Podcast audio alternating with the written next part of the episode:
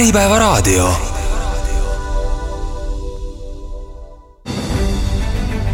infopankur.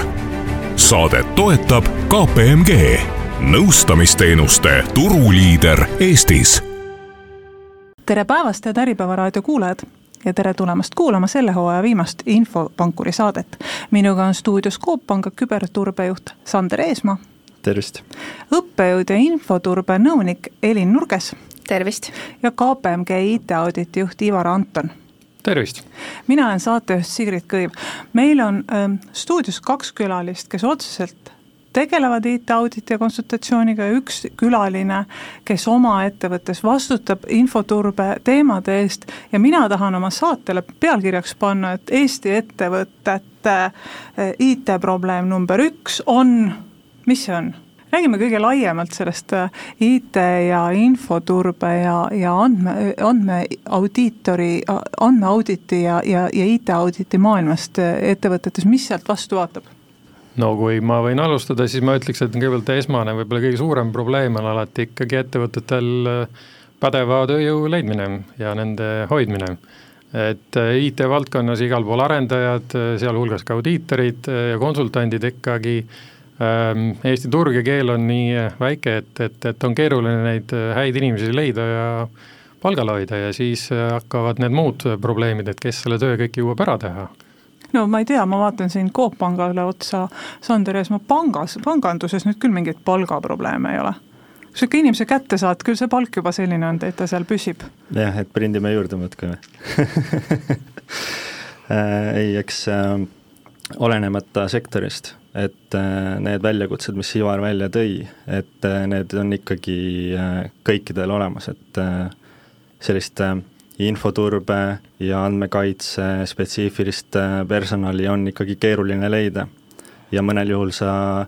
sa ei leiagi seda kandidaati, keda sa algselt hakkad otsima, vaid pead leppima nii-öelda toorikuga,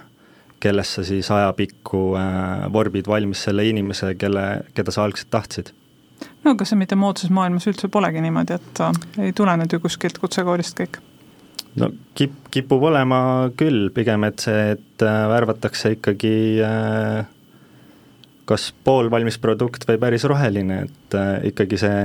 ettevõtte spetsiifika ja kõik see õppimine, et see on kestev protsess ja lõpuks oledki valmis see, keda siis ettevõttel päriselt vaja on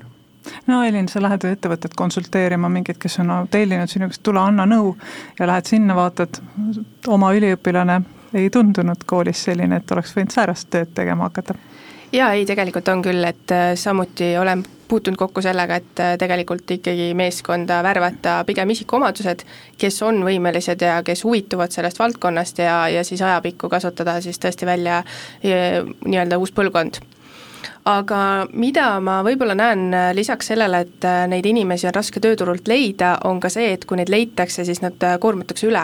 ehk siis äh, kuidagi on millegipärast arusaam, et see infoturve ja andmekaitse, et see on nii lihtne asi, et paneme selle kõrvalkohustusena ja küll ta jõuab kõik muud maailma asjad ka ära teha. ja, ja see tekitab nagu järgmise probleemi tegelikult paljudes ettevõtetes, kus ei jõuta ära teha mitte midagi korralikult, vaid tehakse igalt poolt natukene ja selle tõttu siis kõik asjad venivad no meil on terve rida seadusi, mis tegelikult seda äh, valdkonda reguleerivad äh,, ja, ja nüüd Elis, Elin, kui sa ütled, et, et tegelikult inimene lihtsalt, kui ta isegi saadakse tööle, siis ta koormatakse üle. no ma küll ei tahtnud andmete saadet alustada tööturust rääkimisega aga kuidas see niimoodi võimalik on, et, et kõik ju teavad ometigi, et see on nii oluline probleem ja eriti pärast eelmise aasta veebruari ei ole kellelgi kahtlust, et see peab olema eraldi elukutse, see andmete hoidmise eest vastutaja, miks me ikka oleme selles kohas, et meil ei ole inimesi? no eks see tehnoloogia liigub nii kiiresti eest ära ja, ja ja inimesed peavad ennast jooksvalt pidevalt ümber õppima, koolitama, täiendama lisaks ja, ja te, kui tehnoloogia läheb keerulisemaks, siis on vaja ka jälle ennast ümber õppida, koolitada töötajaid ja samas, kui sa hakkad uut juurutama, siis juba selleks ajaks, kui mingi tehnoloogia või mingid lahendused andmehalduseks ja kaitseks juurutatakse, siis selleks ajaks kui see valmis saab täielikult, siis võib-olla on see juba aegunud või siis on midagi muutunud äris või äriprotsessides ja andmete töötlemises. nii et on kogu aeg niisugune nagu ta-, tagantjärgi jooksed, et sa kunagi nagu äh, finišisse ei jõuagi. no KPMG-l on muidugi päris palju sellist tööd, nagu si-, sina teed, Ivar, eks. palju, mida sina näiteks näed oma klientide juures, äh, kui te lähete sinna IT-auditit tegema? sa ei saa öelda, et ainult asi on selles, et kaks lehekülge kirjutad kliendile, et palkake endale töötajaid juurde. Ei, seda kindlasti mitte jah, et me, kui me ikkagi teeme auditeid, me teeme ikkagi äh, Ehm, parimate praktikate äh, kokku lepitud töö ulatuse osas, et äh, ja mis on nagu ka tuleb seadusandlusest, et kui on siin küberkaitse seaduse nõuded ka äh, lisaks paljudele asutustele rakenduvad ja siis finantsmaailma seadused ka, siis noh, see töö, IT-auditi ikka töö ikkagi hõlmab kogu organisatsiooni protsesside ja finantssüsteemide, infosüsteemide vaatamist. Ja noh, jah, eks, eks see pigem on see, võib-olla nagu Elin ütles, et sul on neid ähm, äh, inimesed on nagu ülekoormatud ja neid äh, tööülesandeid tuleb pidevalt juurde, nad muutuvad. et kui lähed nagu kontrollima auditis, siis on põhiline see, et me lihtsalt, me ei jõua neid kõiki ülesande asju ja tegevusi ära teha, mis me peame tegema, ja siis sealt tulevad eripuudused nii kasutajate halduse, andmete varundamise, testimise osas ja, ja nii edasi, et, et sõltub, et millele, millele nagu rõhku panna ja vaatad, et eks see sõltub palju ka muidugi äri, ärisuunadest ja strateegiast, et kes, kus, mida teeb ja mis on nagu ärile oluline ja mida on võimalik, kuhu on võimalik nagu raha panna, et on, on see personal, on see koolitused, on see tehnoloogia areng, arendused ja nii edasi, et, et see nagu tööpõld on lai kõigil. Küsin niimoodi üldiselt, et kas, kas te näete, andes seda IT-nõu või, või IT-auditi teemalist järelevalvet tehes, kas te näete ka mingisuguseid selliseid väljajoonistuvaid selgeid sektoreid, kus näiteks on probleeme rohkem või vähem,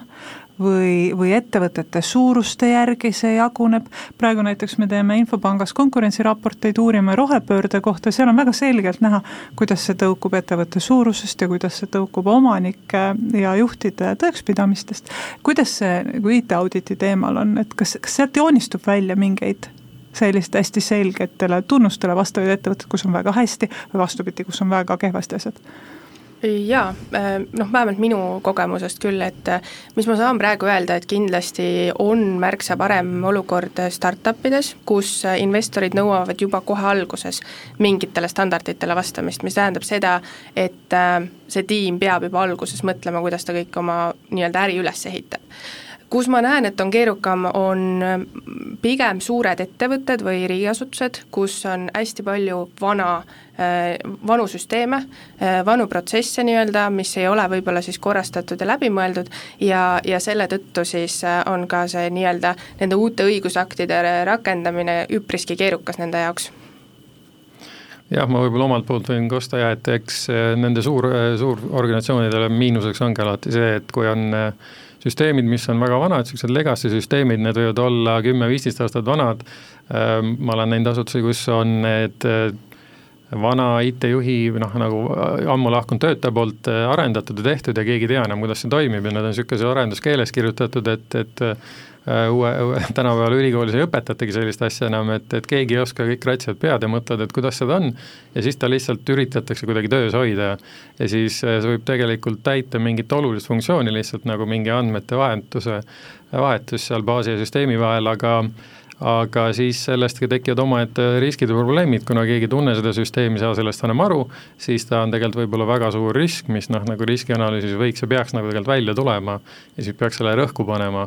aga kui tulla tagasi selle osas, et ma nagu ei julgeks küll öelda, et, et suurosutustel või, või startup ides oleks nagu ülihästi just, et, et eks ta sõltub väga palju ikkagi nagu ma arvan, äh, juhtkonna prioriteetidest ja kuidas nagu äh, nähakse seda, kui tõesti tullakse küsima mingeid standardeid investorite näol või on äh, noh, minu arust mulle tundub, on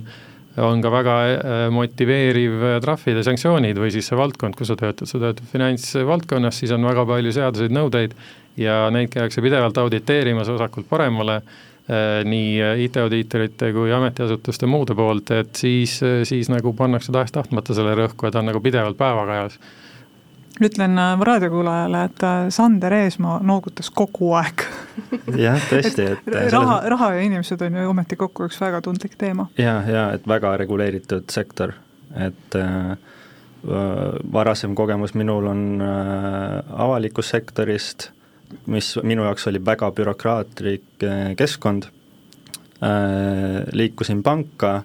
arvasin, et bürokraatia jääb nüüd selja taha, aga tegelikult vastupidi, et äh, neid silmi, kes sind jälgivad, kes nõuavad, neid on tegelikult palju rohkem täna kui mul eelmises töökohas. et äh, väga reguleeritud sektor ja see kokkuvõttes jah, sõltubki sektorist, et äh, mõni tõesti on vähem reguleeritud, mõni rohkem, et äh, kui sul ongi välised äh, regulaatorid tulevad ja kontrollivad äh, perioodiliselt, siis see tähendabki seda, et selles sektoris või selles asutuses saab see valdkond rohkem tähelepanu, sest sind kontrollitakse. Kas panganduses on selle võrra ka, ka need riskid rohkem maandatud näiteks, kuidas sa os-, oskad sa öelda nagu kogu sektori kohta? ma usun, et sa ütled oma panga kohta kindlasti, et need riskid on maandatud. Äh, selles mõttes küll jah, et äh, muud moodi sa ei saa. pead tegema riskianalüüsi, tuvastama, millised riskid sind ohustavad millised on need meetmed, äh, millega sa need äh, riskid siis madalaks saad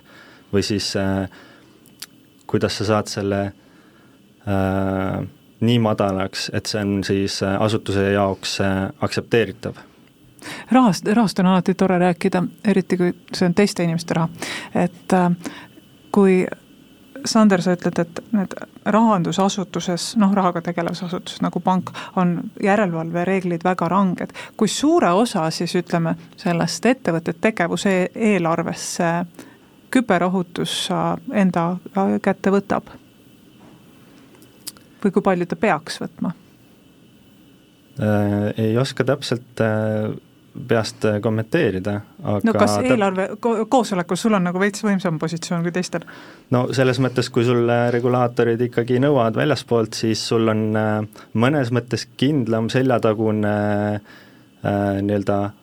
ana-, analüüsitud nõudmisi esitada siis ka asutuses sees. et äh, ongi, et me peame tegema nii ja naa, sellepärast et seadus või mingisugune regula-, regulatsioon seda nõuab et me ei saagi teistmoodi mingitel hetkedel teha. et no nüüd ma vaatan ka Elini ja, ja,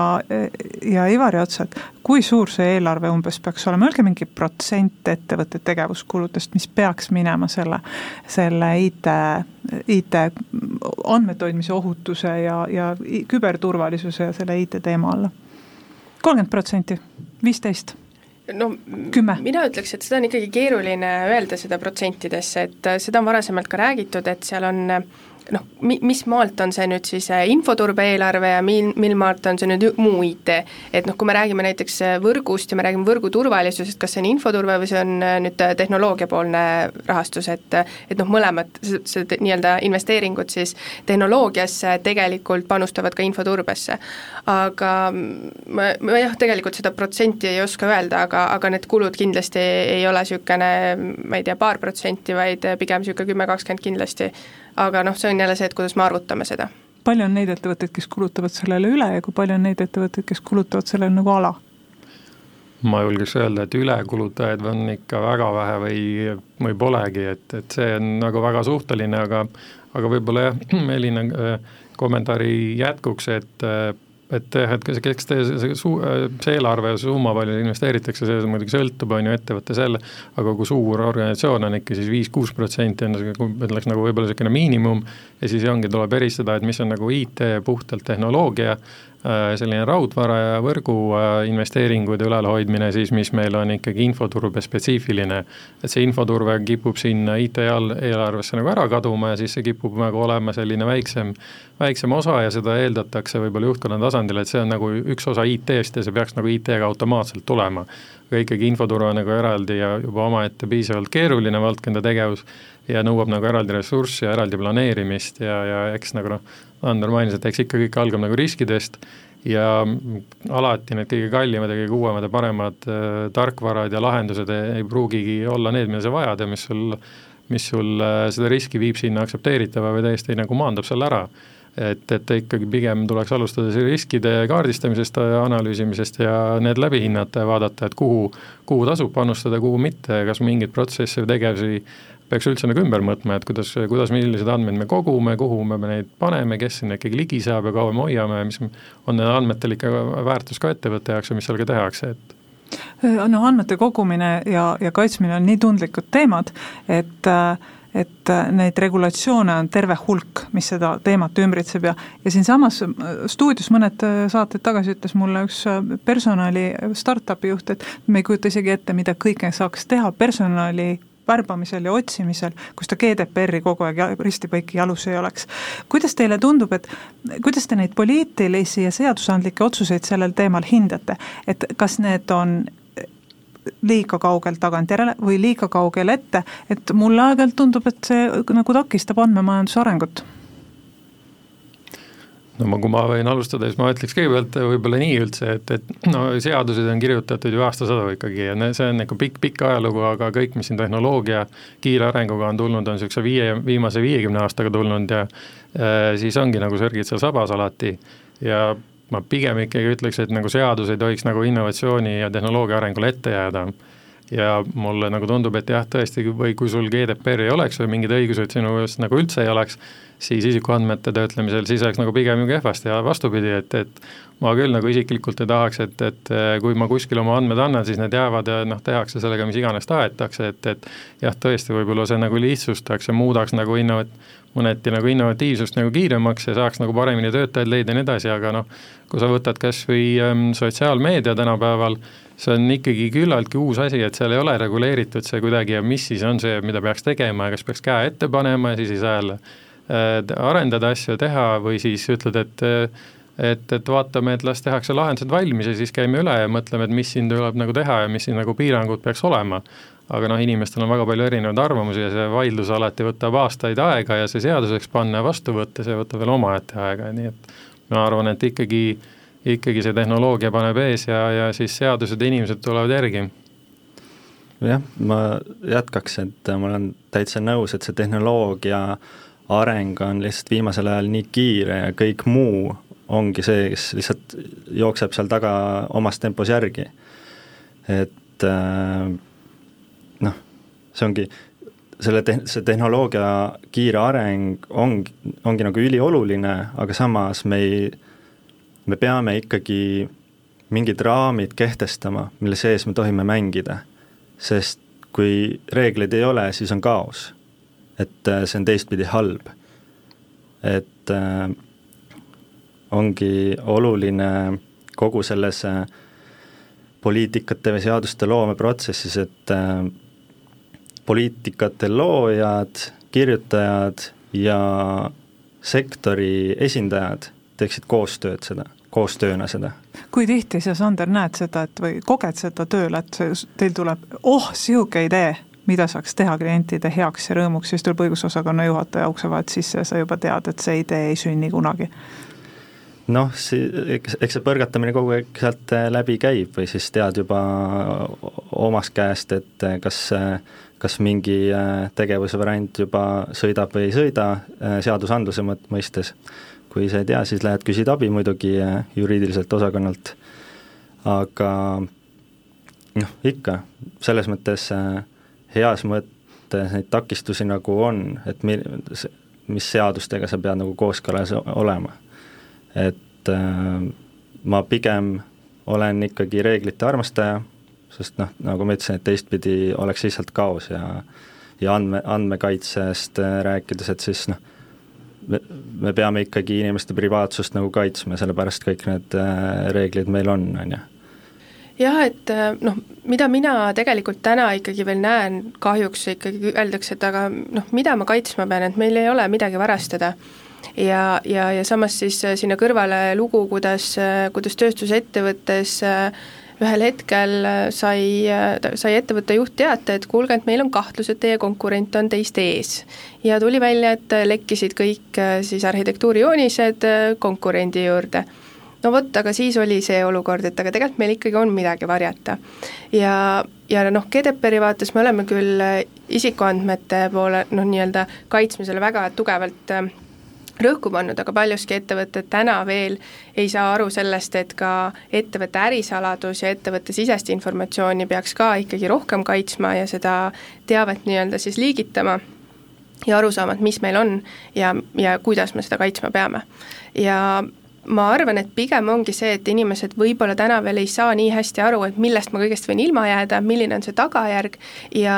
tegelikult need õigusaktid nagu aitavad meid selles osas, et me peame sellele mõtlema, nad sunnivad meid sellele mõtlema ja, ja tegelikult läbi selle ennetavad siis seda, et need kahjud võiksid olla ettevõtetele ja inimestele kordades suuremad kui sa oled, Elin, ka niimoodi poole jalaga akadeemilises maailmas ja puutud sellega kokku, olles ülikoolis õppejõud, palju sa näed, palju akadeemilistes ringkondades nende teemade üle arutatakse? See ikka väga sõltub ja, ja ma pigem ikkagi ütleks, et äh, jah, isikuandmete kaitse teemal räägitakse, aga, aga andmetest ja ärisaladusest kui tervikuna, et see on ikkagi täna veel äh, lapsekingades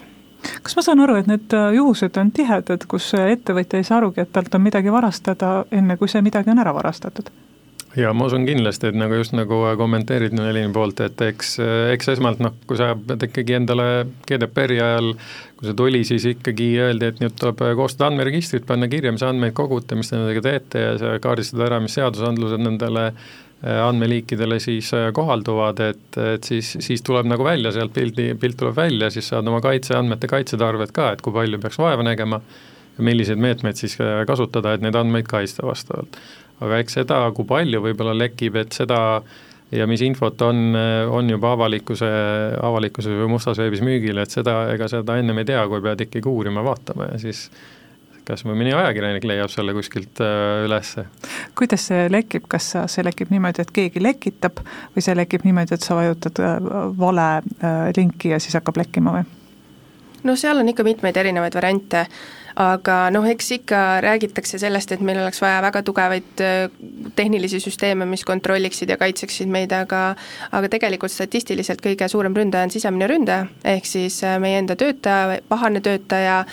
või mingi mittemotiveeritud töötaja, kellel on siis mingisugune muu motivatsioon, mille tõttu ta siis äh, seda infot lekitab.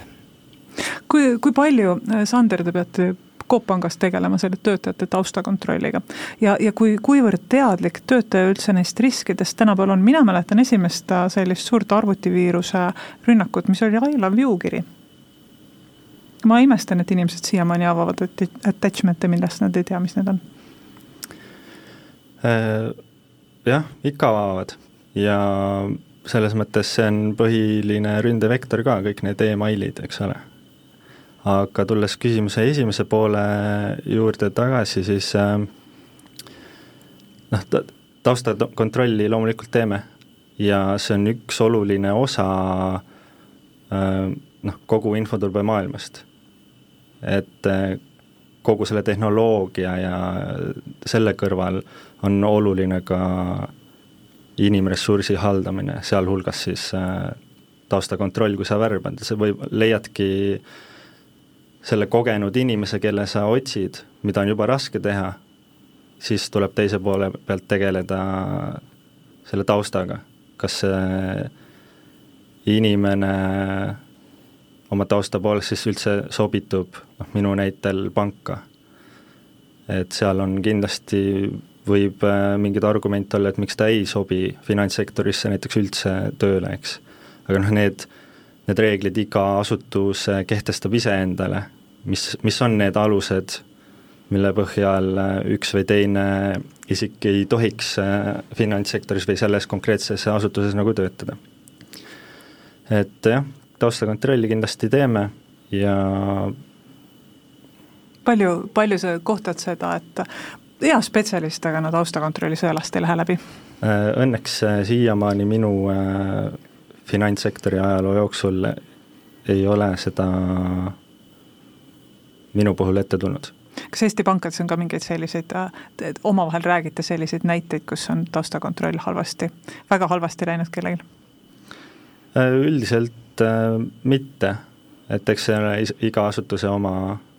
nii-öelda siseinfo, et äh,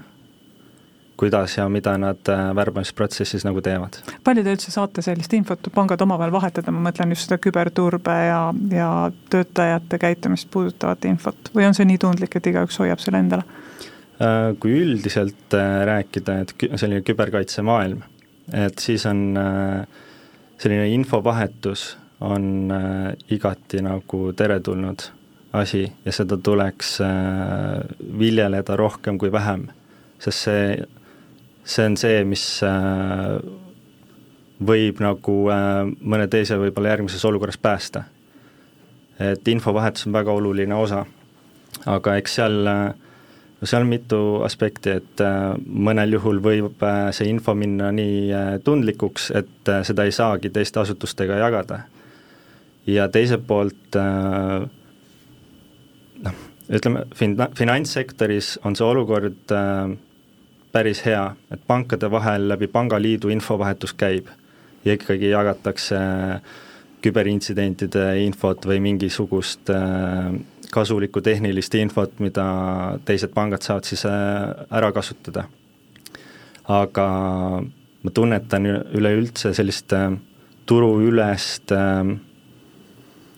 ma ei tea, kas vastasseisu, aga sellist ettevaatlikkust pigem, ettevaatlikkust jah, et äh, info vahetamisel, et äh,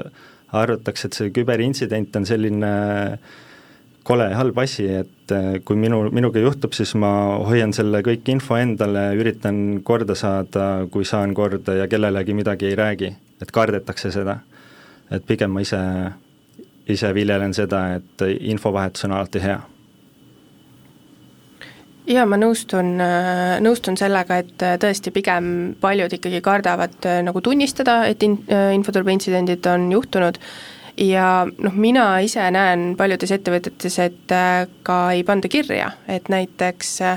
kui noh, eriti selliste ütleme, väiksemate puhul, kes, kelle põhisuund ei ole IT, siis nad ei pea nagu vajalikuks ka kirja panna, et neil tegelikult puudub ka niisugune selge ülevaade, et kui palju neil üldse selliseid asju aja jooksul olnud on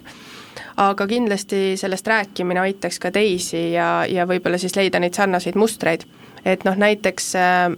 Riigi Infosüsteemi Ameti CERT äh, on siis see, kes näiteks kogub äh, infot, kui midagi on juhtunud ja avaldab siis ka oma, oma infokanalites, et milliseid intsidente just para-, paras-, intsidenditüüpe parasjagu on liikumas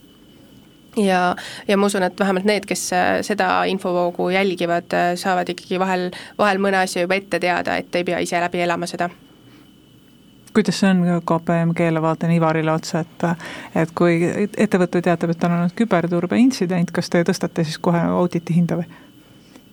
ei, absoluutselt mitte, ei see, no eks kõigepealt tuleb öelda, mis, tuleb defineerida, mis siis küberturbe intsident on, et milline on tavaintsident, IT-intsident selline, kui kui raudvara või tehnika poolel ja mis on nagu selline, et on andmeleke olnud või, või ikkagi midagi nii-öelda halvasti läinud, kus siis on paljudel ähm, asutustel ikkagi raporteerimiskohustus, nagu finantsasutused ja nii edasi, et ei, see, kui on äh, olnud intsident, ei kindlasti sellest on ju vastupidi, julgustaks, et kui kui ähm, äh, intsidentide arv on kasvanud, siis pigem tasub vaadata ikkagi juurpõhjust ja ja arutada äh, IT-audiitori või konsultandiga, et mis, millised mured on ja kus, mis valdkonnas need intsidendid on olnud. ja, ja ikkagi meie töö hinnad ja ja ulatus sõltub sellest, mi-, mis on, mis siis on vaja ära teha ja kas on ikka kasu ka, et seal muidugi võiks öelda, et kui on intsidendid olnud, et siis on kohe selle võrra raskem, aga kui on juba intsidendid teada ja neid on olemas, siis vastupidi, see näitab, et tegeletakse, siis vähemalt ollakse teadlikud, et mingi probleem eksisteerib, seda nagu hakatakse tunnistama ja kui tullakse KPMG-lt näiteks abi küsima või auditit. aga meie peame siit minema väikesele pausile. äripäeva raadio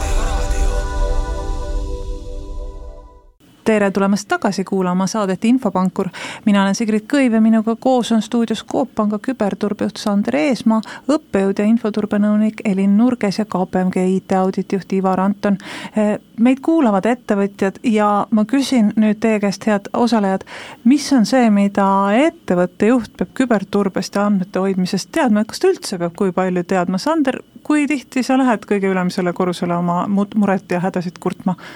Lähen siis, kui äh, on põhjust minna. selles mõttes keegi mulle kätt ette ei pane või tagant ei kiirusta, vaid mina vastutan oma valdkonna eest ja kui mul on äh, üleval korrusel midagi rääkida, siis ma palun aega ja lähen ja räägin. et selles mõttes äh, tippjuhtkond ikkagi peab seda valdkonda teadvustama, neid riske teadvustama ja olema siis nii-öelda pardal, et äh, kui mingi probleem on, siis ikkagi äh, valdkonna nii-öelda juhti kuulatakse ja siis äh, lahendatakse probleemid ikkagi ära. Elin, enamus ettevõtteid on muidugi väiksemad kui Coop Pank Eestis, et äh, kui palju peab tippjuht, ettevõtte tippjuht teadma sellest küberturbe temaatikast? tegelikult asutuse tippjuhil lasubki täisvastutus ikkagi, et isegi kui võetakse tööle infoturbejuht, siis tal talle võib delegeerida ülesandeid, aga asutuse tippjuht peab ikkagi vastutama. Ja see tähendab seda, et ta ikkagi peab aru saama, mis asi on infoturve, mis andmed tal on, mis see kaitsevajadus on, milline on ärisuunad, kuidas infoturve äh, siis toetab neid ärisuundasi et infoturve ei tohiks olla asi iseenesest, vaid äh, mis, mis tegutseb kuskil oma kabinetis seal infoturbejuht, las ta teeb, ärgu mind segagu, vaid, äh, vaid see peab olema ikkagi koostöö infoturbejuhi ja tippjuhtkonna vahel, et, et tegelikult ikkagi ettevõte nii-öelda äri saaks toimida nii, nagu on vaja. kas seda infoturbe ülesandeid või kas seda võib pidada ka mingit teatud sorti selliseks äriinstrumendiks? Ja kindlasti, nagu noh, nagu mainitud juba, et äh, tegelikult infoturbe peaks aitama ärieesmärke täita, et, et sul on äri, ärisuund, äristrateegia ja infoturbe strateegia ja tegevused ja kogu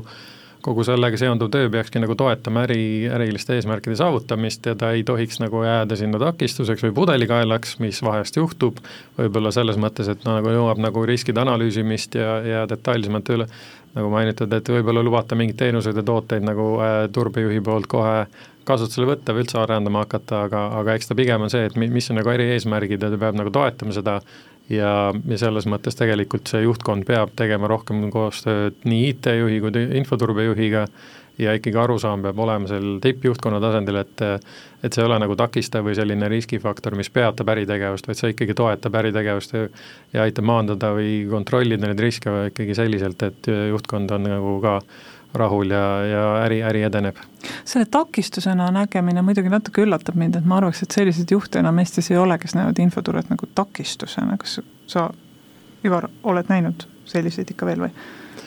Nojah, võib-olla see on nagu liiga tugev öelda jah, takistusena, aga see, mis nagu aitab nagu pigem nagu hakkab pidurdama äritegevust äri, äri äh, innovatsiooni, et, et, et võib-olla selliselt ikkagi mõneti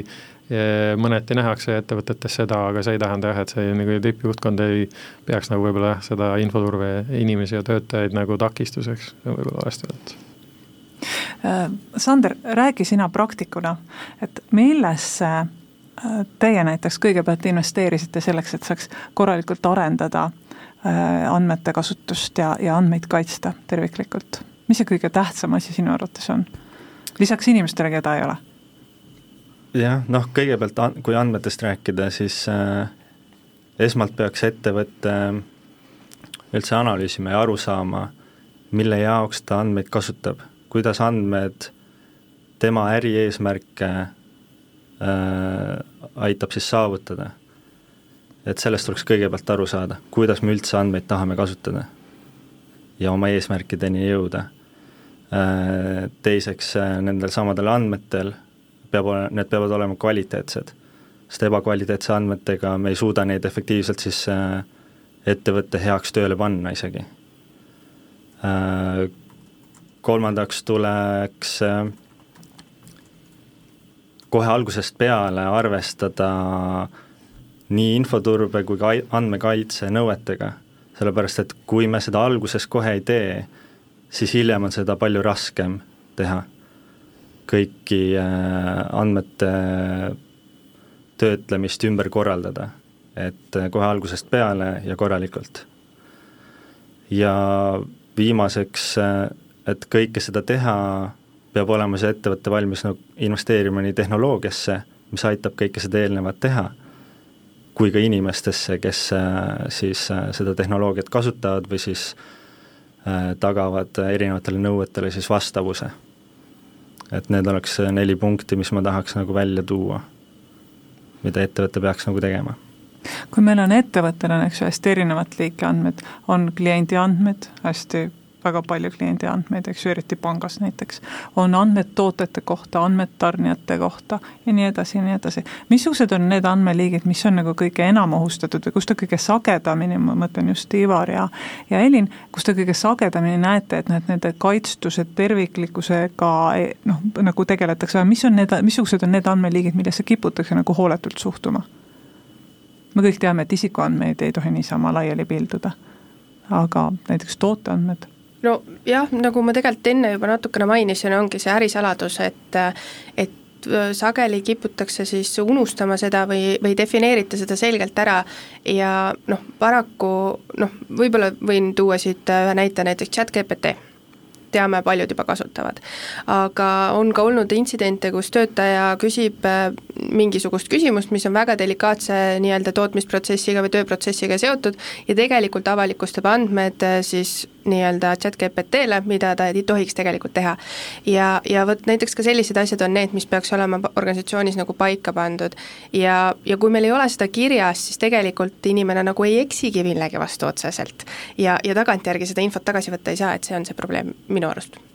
jah, võib-olla omalt poolt lisaks, et äh, tihti ka kipub äh, olema, et igasugused äh, jooksvad projektid ja finantsandmed ikkagi, need Excelid käivad edasi-tagasi meili teel ja serveritel sinna vasakule-paremale, sealt ikkagi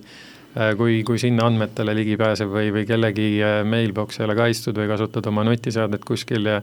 ja ka jällegi sealt midagi lekib või jääb nagu avalikkuses silma, siis, siis ei ole nagu väga hästi, et et jah, isegi need, need Excelid kipuvad ikkagi olema need, kus neid tehakse niisuguseid väikseid andmekogusid ja nendest ei oma küll noh, ja on väga raske on nagu ettevõttes nagu omada ülevaadet sellest, et kus ja mis need on, et kui kasutada infosüsteemi, siis pannakse need kliendi andmed või isikuandmed sinna ja püsivad seal või see on finantsaruandluse süsteem, aga kui sa hakkad seal nagu Exceli majanduse ja saatmise nende attachment itega peale, et ma arvan, et see on ka ikkagi jätkuvalt väga suur väga suur probleem, kuna sa, noh, sa võid selle saata selle meiliga, selle analüüsi või, või finantsandmed või, või projektsioonid eh, kuhu iganes endale koju, endale noh, mingi äh, sülearvutisse kodus ja nii edasi, nii edasi, et ja lõpuks siis ega enam ei tea, kus nad ringi rändavad. ei, absoluutselt, see, see, seda kindlasti, et neid, neid andmeid taga ajada tänapäeval on ju niisugune noh, poolvõimatu ülesanne varsti vaata, et kui kõiki uksi ja aknaid kinni ei pane, et infot liigutada ei saa ja ainult tööarvutis, mis on sul äh, sul äh, see tavatöömasin, mitte, mitte sülearvuti, siis on see töö juures sul ja seal see andmed on ja sa seda saata ei saa ja USB peale kopeerida ei saa, siis ta nagu tundub, et siis võiks nagu olla turvatud ja koha peal. aga kui sa senikaua ikkagi meili teel saadad ja ja päevas saadetakse circa, ma ei tea, palju neid meile tänapäeval saadetakse, circa üle kolm, kolm, kolmsada viiskümmend miljardit emaili päevas, nii et noh, proovi seal siis äh, kontrollida, hoida sellisel, noh, see on globaaltasandil muidugi pigem Elin, sa mainisid chat GPT-d, mulle tuli see natuke üllatusena, sest chat GPT-d praegu vaadataksegi pigem, pigem nagu niisugust abimeeste võimalust, sa ütled, et see on risk tegelikult. Jaa, see võib olla, see on kindlasti võimalus, aga ta on kindlasti ka risk, et sellega tuleb kindlasti arvestada. Ja paljudes ettevõtetes ma juba tean, et täitsa mõeldakse ka andmekaitse eeskirjades selle punkti nagu kirjeldamist, et kuidas seda siis meie ettevõttes kasutada võib. kas Coop Pank on juba ära reguleerinud selle, et kas chat GPT-d tohib kasutada või ei tohi? see on töös, et väga, väga aktuaalne teema. tegelikult te olete teadvustanud seda riski ja, endale? kindlasti, et nii, kui see chat GPT nagu äh, tuli, et äh, noh, tekkiski kohe vajadus äh, üldisemalt kirjeldada ära, kuidas asutuses tehisintellekti kasutamine käib. millised, mida ei tohi teha, mida tohib teha. et ma arvan, et selline asi tuleks igal ettevõttel ära teha, kes mingilgi kujul mis iganes tehisintellekti soovib kasutada. palju vaidlusi see põhjustanud on teil seal näiteks enda sees töötajate hulgas pahameelt näiteks? ei, selles mõttes äh, ikkagi on mõistlikult suhtutud, et saadakse, pigem saadakse aru äh,, miks midagi on vaja reguleerida või mitte me jõuame nagu tasapisi saate algusesse tagasi, et et kui enne oli juttu sellest tehnoloogilisest arengust, mille sabas siis see seadusandlus või sisekorraeeskirja punktid, ma saan aru, ka lohisevad, et kui äh, kui palju te näete nüüd seda tulevikku vaadates, et järjest kiiremaks muutuvad need tehnoloogilised arengud ja inimesed lihtsalt ei jõua enam reageerida? Et riskid kõik teostuvad siis noh, a la chat GPT, mingisugused uued, eks ju, tehisintellektid, ta läheb, ta ju lihtsalt juba on, kõik juba kasutaja, siis tuleb välja, et oh, see on hoopis tegelikult päris ohtlik. Ja ei, no kindlasti see on ohtlik, aga eks siin, siin ongi pigem, et ähm, infoturbetöötajad ja IT-töötajad peavad ennast pidevalt harima ja tehnoloogia äh, tehnoloogial ikkagi uudistel ja võimalustel silma peal hoidma ja mis on võimalik, mis ei ole ja siis juhtkond ikka peab vaatama ka, et mida, mida võetakse kasutusele, mida lubatakse ettevõttes kasutusele võtta, et, et kui sa seda chat GPT-d kasutad, siis on tõesti riskid suured, alguses tundub, et võid ju sinna sisestada, lasta tal igasuguseid asju teha ja kliendi, kliendi andmeid või võid kogemata sinna kopeerida ja muud, muud sellist ärisaladust ja lasta nagu koodi kirjutada ta sul valmis ja nii edasi, aga, aga ikkagi on see, et tuleb teadvustada neid riske ja siis peab ikkagi koolitama ja teadma või siis kas või alguses lihtsalt ära keelama, et teatud teatud asjade nagu chat-GPT kasutamine on keelatud senikaua, kuni ei ole sellel konkreetset funktsiooni ja sinna, seal ei ole nagu äh, ette kirjutatud, mille jaoks ja mismoodi võib seda kasutada, et et ega, ega jah. Elin, sa õppejõuna puutud ju väga noorte inimestega kokku ja on ju selge, et uus tehnoloogiline lahendus tekitab alati väga suurt entusiasmi. Äh, kuivõrd see tegelikult üldse on noh, kuivõrd sellised asjad üldse alluvad mingile mõistlikus tempos tehtud riskianalüüsile või tegelikult tähendab see ka seda, et neid riskianalüüse tuleb hakata tegema väga palju kiiremini? No tegelikult riskide analüüsimine peaks olema ju igapäevane töö, ütleme siis selles mõttes, et koheselt, kui midagi uut tuleb, tuleks sinna nii-öelda see hindamine ära teha ja siia nii-öelda riskiregistrisse kanda. et ähm, ma arvan, et see on ka pigem see, et organisatsioonid noh, kui sageli on olnud organisatsioonides selline kord aastas ülevaatamine, siis noh, kindlasti see täna enam ei, ei päde, et me ikkagi peaksime neid riske vaatama pidevalt üle ja täiustama seda osa kas sa, Sander, sa saaksid öelda, et näiteks kasutajad muutuvad järjest targemaks? Jaa, kindlasti saan. selles mõttes, et äh, kasutajad muutuvad targemaks, kui neid harida ja koolitada. Äh, seda ma kindlasti ei julge öelda, et äh, kõik kasutajad saavad lõpuks targaks. et kindlasti jääb see, et me ei suuda seda riski kunagi nagu maandada no aga vähemalt, vähemalt olulisel määral suude, suudetakse seda ehk maandada, ütlen ma kasutajana. selles mõttes küll, jah et ikkagi äh, kogu see teadlikkuse tõstmise ja koolitamise, harimise protsess on, äh,